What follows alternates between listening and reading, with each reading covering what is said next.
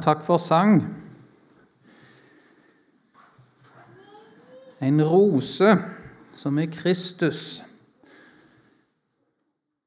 Å lete på de lavere steder, var det det jeg hørte? Det er noe med denne rosen at den er ikke alltid like enkel å finne som en kanskje tenkte den skulle være. Eller en tenkte en hadde funnet denne rosen, og så hadde en egentlig ikke det. Vi skal lese ifra 2. Timoteus, kapittel 3, og de første fem versene der. Før vi leser, skal vi be sammen. Ja, kjære Jesus, vi takker for at du har kommet til vår frelse. Og vi takker for at ja, for denne din sterke, sterke vilje for å berge den enkelte. Og vi ber om at du kunne få lykkes og frelse hver og en av oss, Herre. At vi kunne få favne deg i troen og ha vårt liv i deg, Jesus. Så ber vi om velsignelse over møtet nå og over leiren vi skal være sammen her nå disse dagene. I Jesu navn. Amen. Um, ja, fra 2. Timoteus kapittel 3 og de første fem versene. Men dette skal du vite at i de siste dager skal det komme vanskelige tider. For menneskene skal da være egenkjærlige, pengekjære, skrytende, overmodige, spottende, ulydige mot foreldre, utakknemlige, uten aktelse for det hellige, uten naturlig kjærlighet, uforsonlige, baktalende, umåtelige, voldsomme, uten kjærlighet til det gode, svikefulle, oppfarende, oppblåste, slike som elsker sine lyster høyere enn Gud. De har skinn av Guds frukt, men fornekter dens kraft. Slike skal du vende deg fra. For menneskene skal da være egenkjærlige.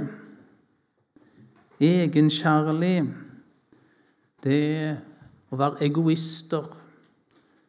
Menneskene skal da være egoister, være egenkjærlige. Og sånn har det vært etter syndefallet, at hvert enkelt menneske er en egoist har seg sjøl som sentrum for sin tanke og i sitt hjerte, så det er meg sjøl, egenkjærlig. Så sier Paulus her at i de siste dager så skal det komme vanskelige tider, for menneskene skal da være egenkjærlige. Det skal tilta. Det skal i enda større grad få prege menneskene enn hva det har gjort før. Det skal øke og bli kraftigere.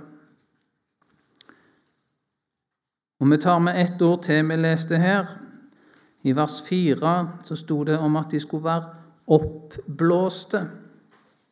Oppblåst, det å tenke for store tanker om seg sjøl. Noe som gir seg ut for å være større enn det faktisk er. Egenkjærlige og oppblåste. Har meg sjøl i sentrum og tenker for store tanker om meg sjøl. Og det er vel ikke så vanskelig å plassere disse ordene vi leste, inn i vårt folk og vårt samfunn og den verden vi ser rundt oss. Men det skal vi ikke bruke tid på nå. Å se på hvordan verden i dag svarer til disse ordene. Men vi skal påpeke én ting i forhold til det. Og det er at eh, mennesker til alle tider er i større eller mindre grad barn av sin tid. Det er et uttrykk, det sant, å være barn av sin tid. Du bærer med deg det som den tiden du lever i, bærer med seg. Og det som preger vår tid i folk og samfunn, det vil òg prege oss som kaller oss kristne. Er verden rundt meg preget av selvopptatthet og egoisme, ja, så vil det òg være med å prege meg. Er menneskene rundt oss oppblåste og har stor tro på egne tanker og egne meninger, ja, så vil vi finne de samme tendenser òg hos oss. Jeg skal ta fram to eksempler fra Det gamle testamentet for å se på hvordan det egenskjære, egoistiske og det oppblåste fikk prege i Guds folk. Fra Israels utfrielse fra Egypt skal vi se på to eksempler. Og Egypt, det er verden, det. Og verden, den kan gi oss det vi har lyst på. Det kan verden gjøre. Men verden kan òg plage oss og gjør livet vanskelig for oss. Og Egypt var jo et land som var rikt og mektig og kunne gi sitt folk mye godt og mye fint å få i Egypt. Men for Israel var det blitt vanskelige tider. Farao hadde lagt dette folket for hat og gjorde livet for de vanskelig. Og så skulle det på et vis være sånn. For Gud hadde en tanke og et råd med dette. Og det var at eh, ved dette så skulle han åpenbare seg, vise seg for sitt folk, som sitt folks gjenløser. Altså gjenløser, det er jo den som frir ut, den som frelser. Han skulle åpenbare seg som frelser, som den som setter sitt folk i frihet, frir det ut fra verden.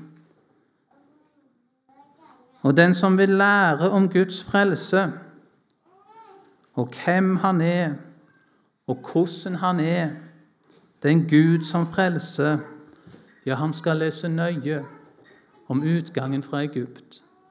For der viser han oss hvordan han er, og hvordan han frelser. I 1. Timoteus 6, 15, så omtales Gud på dette vis som den salige og alene mektige, han som er kongenes konge og herrenes herre, han som alene har udødelighet, og som bor i et lys dit ingen kan komme. Han som intet menneske har sett, og heller ikke kan se. Ham tilhører ære og evig makt. Amen. Denne Gud som ingen kan se, ingen kan finne fram til å nærme seg. Nå skulle denne Gud vise seg for sitt folk komme sitt folk nær og frelse det ut, åpenbare seg som sitt folks gjenløser. I andre Mosebok kapittel fire så møter Moses folket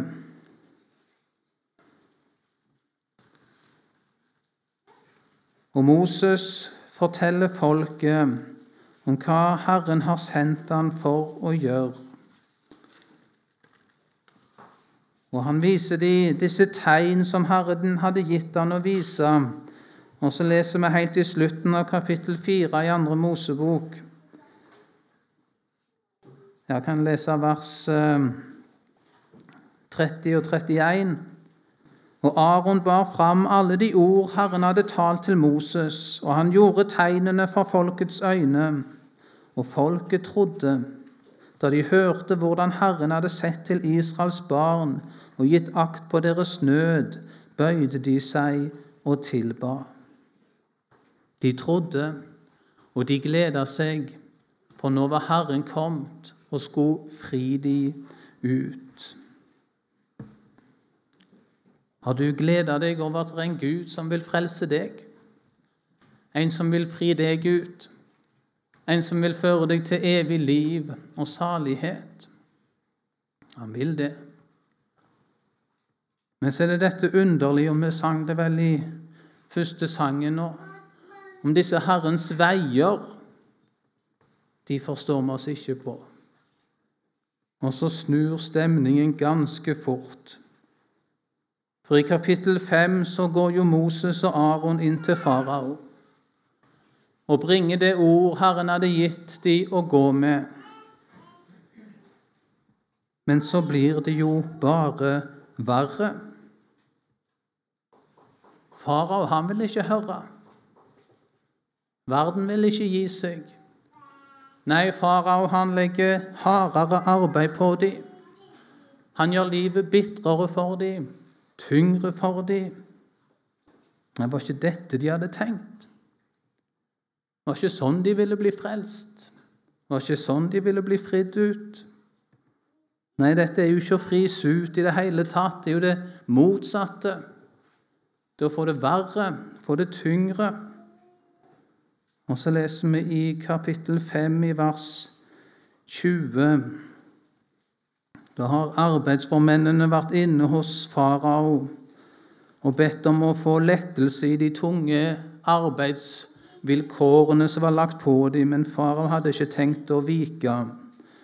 Så leser vi vers 20. Da de kom ut fra farao, møtte de Moses og Aron som sto og ventet på dem. Og de sa til dem, måtte Herren hjemsøke dere og dømme dere, fordi dere har vakt uvilje mot oss hos farao og hans tjenere. Dere har gitt dem sverd i hånd til å drepe oss med. Det var slutt på den gode stemningen og så vender de seg mot disse som var sendt fra Herren. Måtte Herren hjemsøke dere og dømme dere. Harde ord. For de hadde vakt uvilje hos farao imot dem. Det gikk ikke sånn de hadde tenkt. Og så vendte de seg mot Herrens sendebud. Du er i ditt forhold til verden sånn som Israel var i sitt forhold til Egypt. For sannheten var jo at Israel egentlig elska de goder som var i Egypt. De var liksom bare tatt fra dem. De hadde liksom ikke del i Egypts gleder. Så deres forhold der i Egypt var blitt bitre og tunge og vanskelige. Ja, da ville de frise ut. Men sannheten var at det var jo de samme gleder de fortsatt ville ha. For de var egenkjærlige. De elska sine lyster høyere enn Gud. Og de mislikte bare Egypt og verden i den grad som verden var til plage for dem. Ja, de ville gjerne ha Egypts gleder. Og når de nå gleda seg over at Gud skulle fri de ut, ja, så var det jo for de tenkte at Herren igjen skulle gi dem sånne gleder. Nå hadde de det ikke i Egypt lenger. Nå kunne Herren fri dem og gi dem disse gleder en annen plass. De tenkte de hata Egypt, Sannheten var at de elska Egypt, og de elska det som var av denne verden. Og Sånn kan det òg være i min kristendom. Jeg tror jeg vil ha frelse, men så er sannheten at jeg er jordisk, og jeg er kjødelig, og vil ha mine jordiske gleder i kristelig drakt. Og så tenker jeg at hvis Herren kan glede meg, ja, da er jeg frelst. Da er det godt. Hvis Herren kan gjøre vel imot meg, men det er kjødelige og jordiske gleder jeg søker i min kristendom. Du vil ha en kristendom som gir mer enn han tar. Og syns du Gud tar for mye, ja, så forakter kanskje du òg hans sendebud og hans ord og viser det fra deg. Dette er noe som skal tilta i de siste dager. Menneskene skal være egenkjærlige, søke det som behager dem, det som synes godt, denne verdens gleder, elske sine lyster høyere enn Gud. Og så skulle de være oppblåste, altså tenke for store tanker om seg sjøl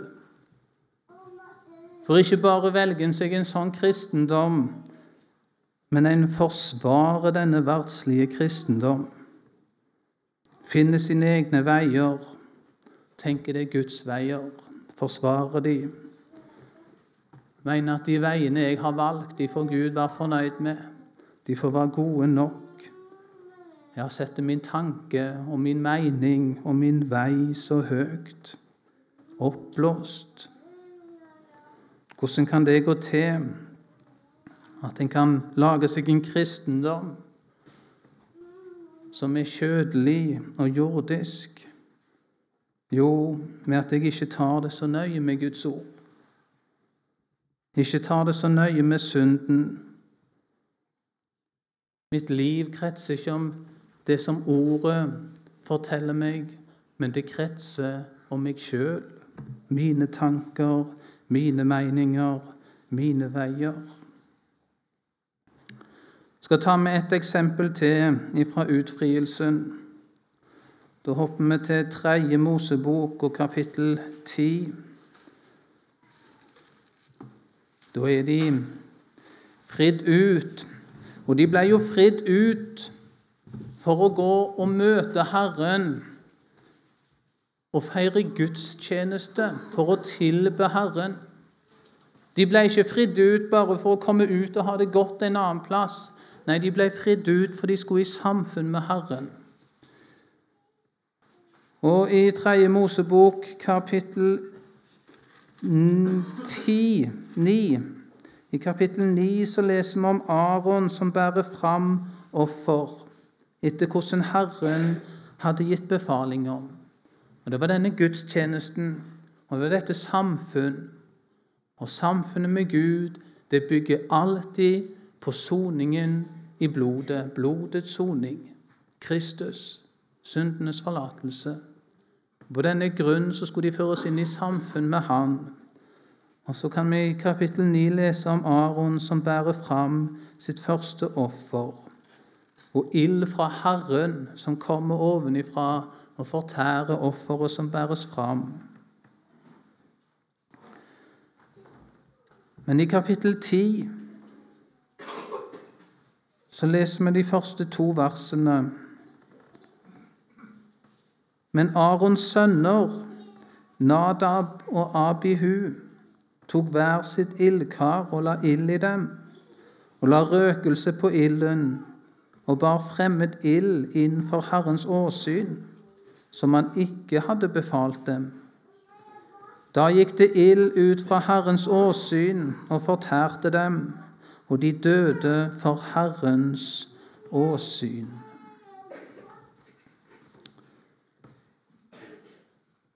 De bar fremmed ild inn i tabernakelet som Herren ikke hadde befalt. De hadde sine egne tanker. De tenkte dette var greit. Så var det ikke greit. For de hadde ikke tatt det så nøye med hvordan Herren hadde sagt det. Og så ble de sjøl fortært for Herrens åsyn. Mine tanker, mine vurderinger, mine meninger Ja, de er som fremmed ild jeg bærer inn i helligdommen. Oppblåst. Gud han gjør ikke spørreundersøkelse for å finne ut hva jeg synes om hans råd, for å finne ut hva jeg tenker om hans veier og hans ord. Men det hender han spør. Jobb, han fikk erfare å bli spurt av Gud. Kan lese det i Jobb kapittel 38 til 41. I Jobb 38 vers 3 så sier Herren til han, Nå vel, bind opp om deg som en mann, så vil jeg spørre deg, og du skal svare meg. Hvor var du da jeg grunnfestet jorden? Har du innsikt, så fortell meg det. Og så fortsetter Herren og spør Jobb om Jobb vil gi han råd, om Jobb vil lære han. Hvordan blir det med Jobb sine svar? Får han gått i rette med Herren? Får han rydda opp, sånn at Herrens veier blir rette, sånn som Jobb tenkte de skulle være rette? Nei, Jobb han må erkjenne at han hadde blåst seg opp. Men så hører vi hans svar i kapittel 42 og vers 4. Så sier han, 'Men hør nå, så vil jeg tale', altså jobb. Og hva vil han tale? Jo, jeg vil spørre deg, og du skal lære meg.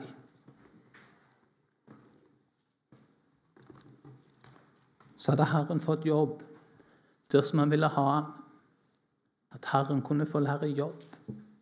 Hvordan er det med deg? Vil du lære Herren? Vil du gi Han råd? Vil du viser Han vei? Eller har Herren fått deg der at du spør Han om Hans råd og Hans vei?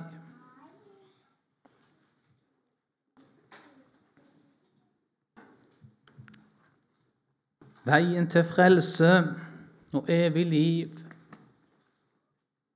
den har du hørt om. Det er jeg helt sikker på. Veien til frelse evig liv, det er Jesus. Jeg er veien og sannheten og livet. Ingen kommer til Faderen utenfor meg. Det er mange som kjenner den veien på et eller annet vis. Mange har hørt om den veien. Noen vandrer òg på den veien. Men så er det så mange som likevel tar helt feil om denne veien, selv om de har hørt om han, selv om de mener de kjenner denne vei. Det er som når advar, Jesus advarte om de siste dager, om alle de falske Messiaser som skal stå fram og si 'Se her er Messias'. Nei, se der er han. En Messias for hver. Alt etter hva en syntes om og mente og tenkte. Og sånn er det med disse frelsesveiene. En har hver sin frelsesvei. Se, her er veien. Nei, der er veien. Alle har sin mening, alle har sin oppfatning. Like mange veier som det er folk. Og samtidig veien er dette ene Jesus. Har du din egen vei? Alle tenker jo at den veien de er på, eller den veien de prøver å komme inn på, det må jo være den rette veien, ikke sant? Hvis ikke hadde du vært på en annen vei. Så den veien du tenker å gå på, Eller den veien du ønsker å komme inn på, det må vel være Jesus, er det ikke det? La oss tenke oss et bilde her. At du er i et fremmed land, eller en storby, kan vi si. En storby du aldri har vært i før, ikke kjenner. Og så skal du til bestemt plass i denne her byen. Og du har et kart. Du har et kart som viser hvor denne plassen du skal til, er. Så da burde det jo være relativt greit, ikke sant, å finne fram. Problemet er bare det at du tror du vet hvor du er i dette kartet, men så tar du feil. Og du tror du vet hva som er nord, og hva som er sør, men så tar du feil. Du vet ikke hvor du er, og du vet ikke hva som er opp, og hva som er ned. Du tror du vet det, men du gjør det ikke. Og Da er det håpløst. Hvem finner fram i et kart hvis du ikke vet hvor du er? Og så reiser en av gårde og tenker en er på rett vei. Og så kanskje en synes det er noe som skurrer av og til. Det er akkurat som kart og terreng ikke helt stemmer. ikke sant? Ja, ja, Så får en prøve en annen vei, da. Tar en av i et kryss, prøver en annen vei. Nei, kart og terreng stemmer ikke, og så holder en på.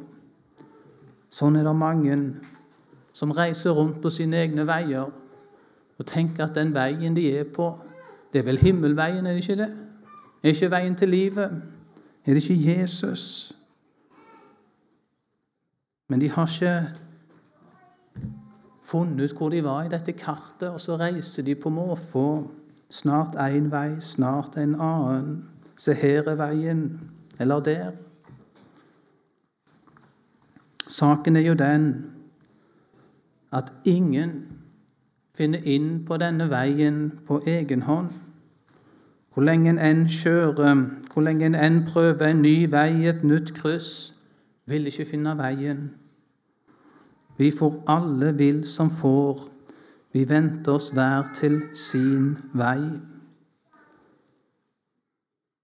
Det selvopptatte og det oppblåste mennesket har ikke så lett for å oppgi sine egne veier, men vil forsvare de, unnskylde seg, trøste seg sjøl, fortsette å kretse om meg sjøl og mine veier og mine tanker om veien til målet. Og så skal mange gå ut av dette livet og inn i evigheten på sin egen vei. Det taler Guds ord om.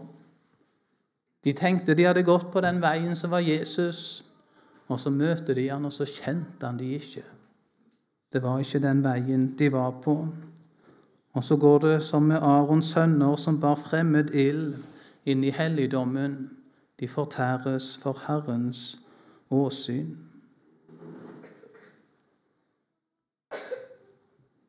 Derfor så taler Guds ord til oss om en annen vei. Ikke vår vei til frelse, for den vet vi jo på en måte så godt, ikke sant? Det er jo Jesus. Men det er en annen vei. En vei som må til for at Jesus skal få satt deg på denne veien, som er Jesus. Og det er en vei som går inn til deg. Guds ord taler om en vei inn til deg. Når Jesus skulle komme, så leser vi om at det var en som skulle komme foran ham. En budbærer som skulle komme foran Jesus. En som skulle rydde vei for Jesus. Og Det er jo adventstekster, det døperen Johannes som skulle komme, og så skulle han rydde Herrens vei. Og Det er en veirydding som Den hellige ånd må gjøre for at alt dette som stenger, som hindrer Jesus i å få nå inn til deg, han må ta bort, sånn at Jesus skal få finne inn til deg for du kommer ikke til å finne denne veien sjøl. Jesus må få finne deg, så man får sette deg over på den rette veien. Og denne veirydding, ja, den er så annerledes enn vi tenker. Hva var det døperen Johannes gjorde? Jo, han kom og så begynte han å tale med folk om deres synder. De ble syndere. Og de opplevde nok ikke som at det var veien som ble rydda. For det er så rart dette her at når Den hellige ånd skal rydde denne vei, så er det som han tar disse steinene og så kaster han dem på mine veier. Sånn at det oppleves ikke for meg som at Herren på en måte rydder vei. Nei, jeg opplever det som at Herren sperrer veien. Han stenger veien, ødelegger veien. Han tar denne steinen som heter egenkjærlig, og så slenger han den på veien rett foran meg. Og så kommer jeg meg ikke videre. For jeg klarer ikke å komme forbi dette egenkjærlig, en egoist på egne veier. Og så tar han steinen selvopptatt, kaster han inn på veien min. Oppblåst, en som elsker sine lyster høyere enn Gud. Så er det så mange steiner. Jeg vet ikke om Herren har funnet noen steiner i ditt liv om han rydder vei i ditt liv. Ikke veien som gjør at du så lett kom fram. At det er din vei. Ja, nå, nå skal jeg nå målet. Denne veien. Nå finner jeg det. Nei, ikke rydde sånn. Men rydde med å ta steinene og legge på din vei. Så det blir vanskelig for deg. Det blir trangt for deg. Det blir en vei du ikke kommer fram på. Ja, det blir stengt. Det er vekkelse i ditt liv når Herren begynner å legge opp steiner på dine veier. Stenge for deg så du ikke kommer fram. Så er det så omvendt. Så er det så annerledes enn hva vi tenker. Men dette skal du vite at i de siste dager skal det komme vanskelige tider. For menneskene skal da være egenkjærlige, pengekjære, skrytende, overmodige, spottende, ulydige mot foreldre, utakknemlige, uten aktelse for det hellige, uten naturlig kjærlighet, uforsonlige, baktalende, umåtelige, voldsomme, uten kjærlighet til det gode, svikefulle, oppfarende, oppblåste, slike som elsker sine lyster høyere enn Gud. De har skinn av Guds frykt, men fornekter dens kraft. Slike skal du vende deg fra. Ja, kanskje du må begynne med å få vende deg fra deg sjøl og vende deg til Jesus. At han kunne forfinne deg og sette deg på himmelvei og føre deg på sine veier. Amen.